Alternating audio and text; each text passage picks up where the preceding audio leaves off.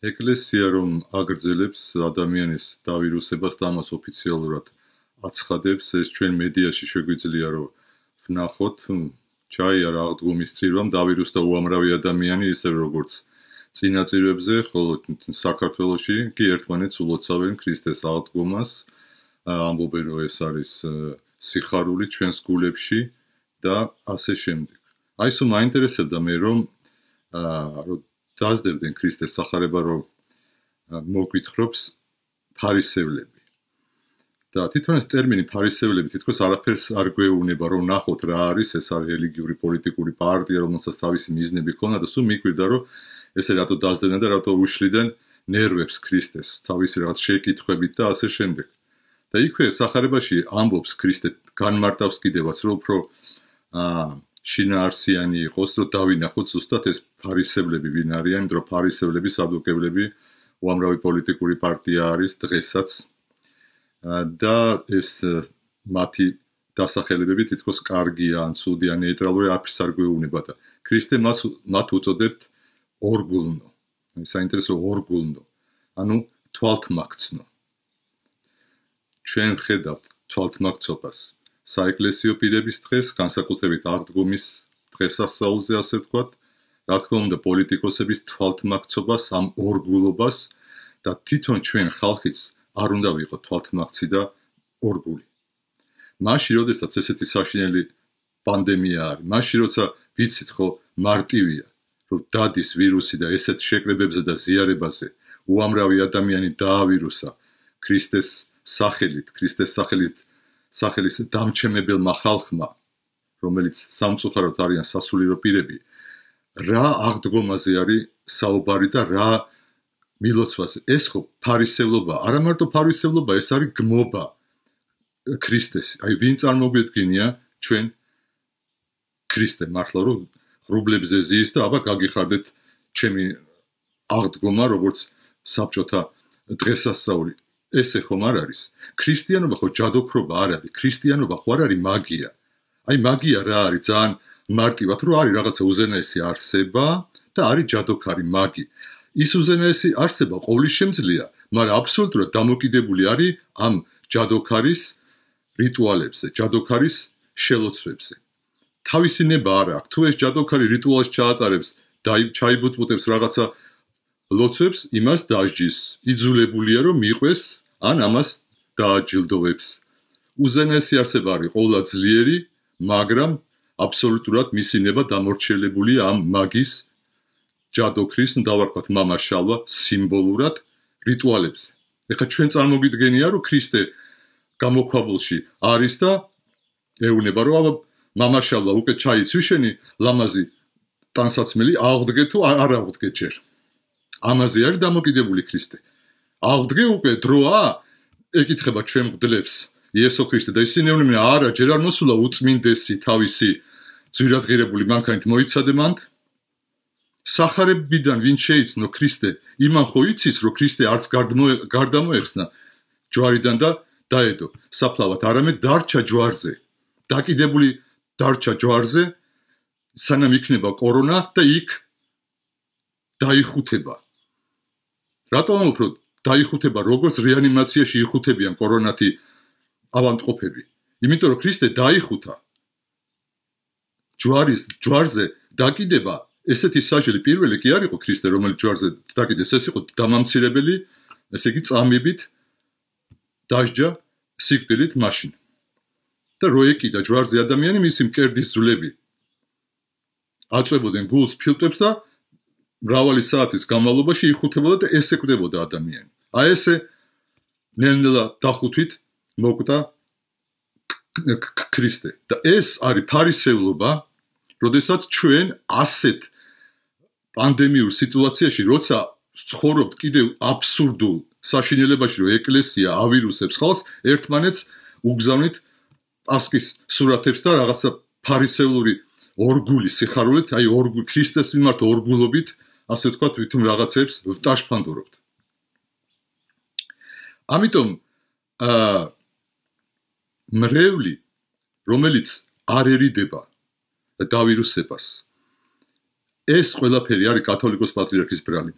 რა დღეშიც არის მრევლი ეს არის სამდელობის ბრალი იმიტომ რომ ზაფრავენ მას აი ეპისტოლეშიც კი დაატერო რა კათოლიკოს პატრიარქმა ჯერ იცის რომ დავირუსდება ხალხი მაინც მოიყვანა ეს ხალხი და შემდეგ ეუბნება რომ საქართველოს ძალიან მიყვარხარ. ეს არის მანიაკალური დამოკიდებულება როცა როგორც საშინელებათა ფილმებში არის რომ თქვა თავის ხვერპლი თან უყვარს მანიაკს თან კლავს. ხო? ჩვენ ნახეთ ესეთი მანიაკალური დამოკიდებულება როცა გამოვიდა მიტროპოლიტი ზუგდიდის გერასიმე შარაშეინძე და თქვა რომ ჩვენო თელ საქართველოს თელ სოფლიოს ვაჩვენებთ როგორი ვაშკაცები ვართო ვირუსს არ შეუჩინდითო შევიკრიბეთო დავვირუსდითო მაგრამო ვაშკაცობა გამოვავლინეთო. და დაიწყო ტირილი. წარმოგიდგენია თქვენ ესე იგი რა დონის არ მანიაკალურისა აქვს ტვინი. ტირილი იმიტომ კი არ დაიწყო რომ ხალხი დაავირუსა არამედ რა ვაშკაცები ვართ. ესე ხო არ შეიძლება არა ეპისტოლეში შემდეგ ატერორებს ხალხს და ეუბნება აი სწორედ პანდემიის კონტექსტის გათვალისწინებით რომ თუ არ ეზიარები ღმერთი დაგჭის. ამბობს რომ ღვთის ხელში არის ადამიანის სიცოცხლე. ამას რო ამბობს პანდემიის კონტექსტის გათვალისწინებით, იმ კონტექსტის გათვალისწინებით, რომ აი ესე იგი უნდა მოხვიდეთ ეკლესიაში ეს ქრისტეს ღალატია, რაც საპატრიარქო ოფიციალურად აა გადაგებს ესეც არის დატერორება. და კიდე ერთი მომენტი არის ამ ეპისტოლეში, რომელსაც არ მიექცა ყურადღება, მოყავს სპეციალურად გრიგოლ პალამას ციტატა. უადგილოთ, ამითაც ატერიორებს ხალხს, როცა გრიგოლ პალამა ამბობს სულ სხვა რამეს და იმ ციტატაშიც ხო ჩანს. გრიგოლ პალამა ყובה სწორედ ეპიდემიის ამბებს, ჟამიანობის ამბებს და ამბობს, რომ ბევრი ჩვენი ძმა ქრისტიანი ხედავდნენ რა, რომ გაჭირებული ადამიანები ეპიდემიით დაავადებული ეყარენ ქუჩებში მივიდნენ და მოუარეს მათ როგორც სანიტარებმა, როგორც ექთნებმა, როგორც ჩვენი ექიმები აკეთებენ და გააკეთებენ. გაწირეს თავი, როგორც ჩვენი ეპიდემიოლოგები იმაშვებიან, წირავენ თავს. და აღესრულენო წერს გრიგოლ პალამა მოწამეობრივი სიკვდილით და აიო პატრიარქი ამბობს პატრიარქს ეს გადააკ ვირუსისადმი უშიშრებაზე ვირუსისადმი ყურადღების არ მიქცევაზე რომელსაც უხადაგებს მრევლს და აი მოწამეობრივი ის არის სიკვდილი ეს ხო ეს ეს როგორ შეიძლება ხო და ამას ხედავ ჩვენ კიდე ეპისტოლეში და ხალხი ჩვენი ისინი პოლიტიკოსები არც კითხულობენ ამას, ხო?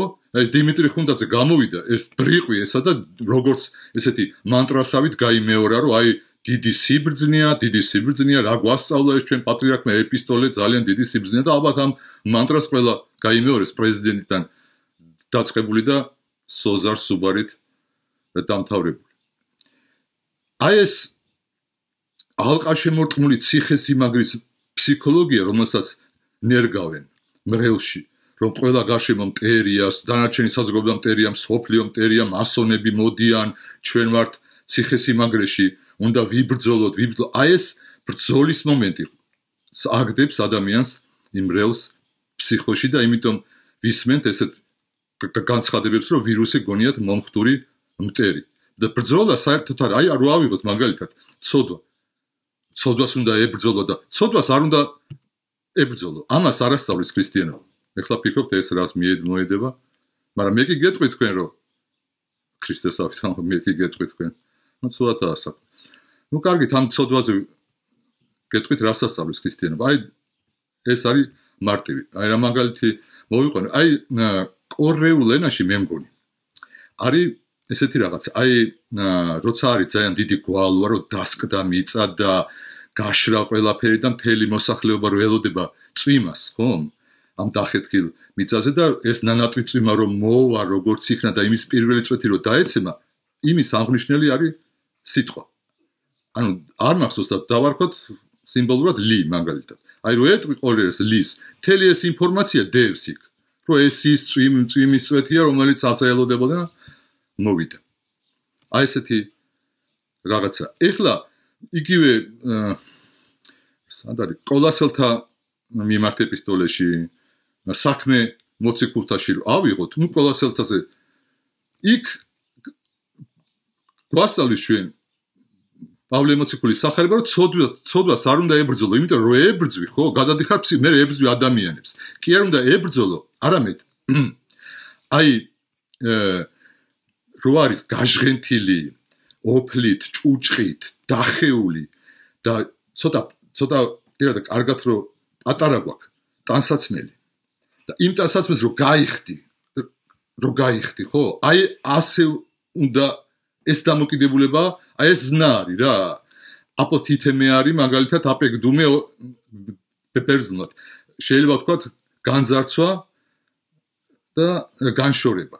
გამიგეთ მაგრამ აი იმისთვის შინაარსობრივად ხო აი ამ საზისგარი ტანსაცმლის გახდა არის უბრალოდ გამიგეთ. და არა ბძოლა გამიგეთ იმიტომ რომ ბძოლას გადაყავხარ უკვე ფარისევლობაში რაც ემო თქვი რომ შენ უკვე დახოცე ყველა ცოდები და ეხლა ებრძვის ხვის ცოდებს ებრძვი როგორც ასე ვთქვათ ყალბი და წმინდანი. და აი ეს ჩვენი მედია უკვე ამ ბოლო პერიოდში ეთქობა რახან აღდგომის დღესასწაულია მთლიანად გადავიდა ფაქტიურად 1-2 გამონეკლისის გარეშე განსაკუთრებით აი ჩემთვის არის გულდასაწყოდი რბილად ვამბობ პირველი არხის ესეთი პოლიტიკა საინფორმაციო გადავიდა ესე იგი აი ამ ფაქტიურად ხარდაჭერაზე ტერორისტული ჯგუფის რომელიც არის საქართველოს მართლმადიდებელი ეკლესია და აი ამ რითაც იპყრობს ხო ამ ფსევდო რაღაც საკრალური რამეებით ეკლესია ადამიანების ცნობი მაგალითად ეს ცეცხლი. წმინდა ცეცხლი წმინდა ცეცხლი გააგზავნეს თვითფრინავი სადამდე უნდა იყოს ეს. ცოდო არ არის ახალგაზრდობა რაში აცხოვრებთ ხო? ეხლა მე გავაკეთე პატარა განცხადება რომ არ გადმოდის არაფერი ცეცხლი რა არ არის ეს საჭირო და აქ კიდე უნდა გავიმეორო ქრისტეს სიტყვები რომ ნათესავი უკეთური ეძიებს სასწაულს. თვითონ ისინი ამბობენ რომ არ გამა მოიყვანეთ მაშინ მეუნებიან თეოლოგიური მაგალითი მოიყვანე რომ ცეცხლი არ გადმოდის. ну შემიძლია მე აი მე შემ მე შემემთხვე ესეთი რაღაცა მოგიყვებით მაშინ მე შემემთხვე ესეთი რაღაცა აი ლისისტრიდან ჩამოვდივარ თქვა და ხედავ ну ორი მოფრინავს და ერთი მეუბნება ქართულად ну ორი რა ორი ნიანგი და ერთი მეუბნება რომ იცი რომ არ გარგადმოდისო იერუსალიმში ცეცხლმა უთხარ ახლა შენ თუ მეტყვი და მეორე უნდა მეჩქარება წამოწავიდეთო და ну გაფრინდენ იქ მოდული შენობას გადაუფრინეს და მე ქავთარაცით მარცხნივ არ ვიცი ხა ვეღარ დავინახე დელისისკენ გაფრინდი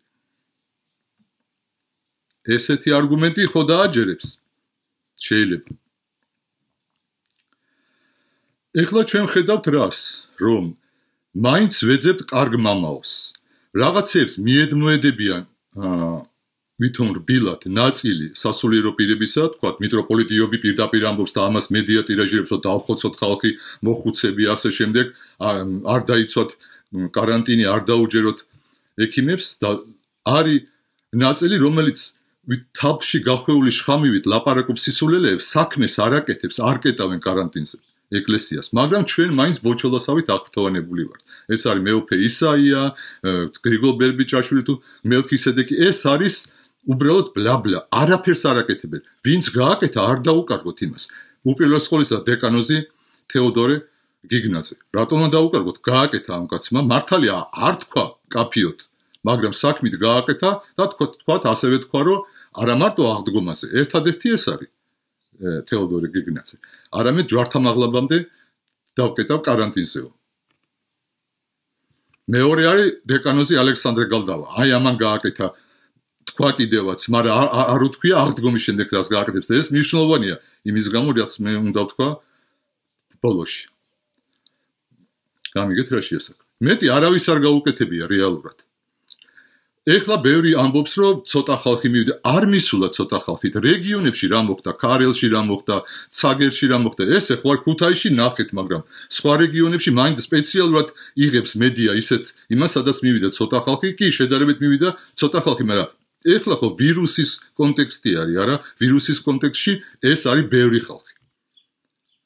და ბოლოს ჩვენ ხედავთ რომ აა მრევლი გამოდის ალაპარაკებენ ამ მრევლს რაღაცა ესე იგი აღტკინებულ სისულელეებს ნეტარი ღიმილით ეს ხალხი ამბობს რომ აი ნაკურთხი წყალი გადაგვარჩენს რომ როგორც მომხდური მოდიოდა ანუ ვირუსი გონიათ აი თქვათ ქართლის ხორებაში რომ მომხდური ის არის მტერი აი ესეთი ის ჩაუდეს რა ქვია მენტალიტეტი და ამბობენ რომ ჩვენ რა თქვინა ნაკურთხი წყალი გადაგვაჩენს. არ შეიძლება ესეთი რაღაცა. ხედავთ რომ ისევ მიიყვანეს ბავშვები. ნორმალურ სახელმწიფოში უნდა ჩამოართვან მშობლის უფლება. არ შეიძლება ბავშვების დაყენება სასიკვდილო საფრთხის ქვეშ ჩვენი რაღაცა ფანტაზიების გამო. მაგრამ პატრონი ხო არ არის სახელმწიფო ხო არ აკყავს. აი ეს მიმდინარე პერიოდი პრემიერ-მინისტრმა გახარიამ შეაფასა როგორც სახელმწიფოს აღშენებლობის ერთ-ერთი მნიშვნელოვანი, ну ეს ესე იგი ეს არის ასეთი ტყუილი პროპაგანდა და ხედავ ჩვენ რომ აი ამ ფანატიკოს სასულიერო პირებს დაუწვა მთელი საზოგადოება. შეიძლება საზოგადოებასაც არ უნდა რომ ამ შემაძრწუნებელ რეალობას თვალი გაუსწოროს და აი თავს იმშვიდებს რომ აი აღდგომა პასკა გამოვაცხოთ, ცოტა ხალხი მივიდა, ამოვისუნთქეთ. ამირან გამყრელიძმაც შეატრიალა. ეთქობა შეეშინდა ამ იაკობ თავარეპისკოპოს იაკობის იმისი რა ქვია. რეალურად შეეშინდა მუქარის და თქვა რომ აი ახლა ეს თუ დაიცვეს არაფერი ისეთი არ არის. წინათ სხვანაირად თამამობდა, როცა პაატა იმ იმნაძეს ამოხეთქა და კუბოებზე ლაპარაკობდა, ამანაც თქვა გამყრელიძემ, რომ რაც უფრო ცოტა ხალხი წავა ეკლესიაში, აი ეს ფრაზაა ციტატას ვაკეთებ. ცოტა ხალხი წავა ეკლესიაში, მით უფრო ნაკლები ქართველი დაიღუპება. მეტი რა თქვას და ეხლა მიაწვენეთ ყובה არა მარტო ეკლესია, არამედ ხელისუფლებაც, იმიტომ რომ ხელისუფლება ხო გასაკეთებს არა, პირიქით აქებს, ადიდებს ეს უმაკნისი ხალხი რბილად ვამბობ, ფაქტიურად დამნაშავები პანდემიის დროს. ეს დანაშაული არის აუპირველეს ყოვლისა ministrების ჯანდაცვის ministris ხომ და ბოლოს მინდოდა აი ამაზე. ეკლესია ხო არ გაჩერდება. ეხლა ჩვენ ისევ ნუ მოვიტყვებ თავს რომ აღდგომამ ჩაიარა და აღარ დაგვავირუსებს ხომ? ეხლა განაცხადა უკვე ოფიციალურად. როცა ლაპარაკობს მიტროპოლიტი ეს ნიშნავს რომ საპატრიარქო აცხადებს ამას მიტროპოლიტმა ქუთათელმა იოანე გამრეკელმა განაცხადა, რომ 21-ში დიდი პარაკლისი იქნება და 21-ში გავლენ სასაფლაოებზე. მერე არის კვირა, შაბათის ლოცვა, შემდეგ დღეს სასწაულები, კიდე კვირა, არ არის каранტინი. არ არის каранტინი. თუ ხელი არ გამოიღოს საზოგადოებამ, ესენი არ გაჩერდებიან და ჩვენ ამათი არ გაჩერება ხო გვეხება ყველას ხო ყველა ადამიანის ცხოვრებას ეხება რაც არ უნდა ინტელექტუალი იყოს და დიდარი იყოს და ეს რა ქვია ხო ეს ეს ეხლა ხო პანდემია არის არა? ასე რომ მე მინდოდა მე თქვა ეს რომ არ გაჩერდებიან და ხო ხედავთ რომ არ ჩერდებიან და წინასწარ აცხადებენ. სიკვდილის ქრონიკა არის გამოცხადებული წინასწარ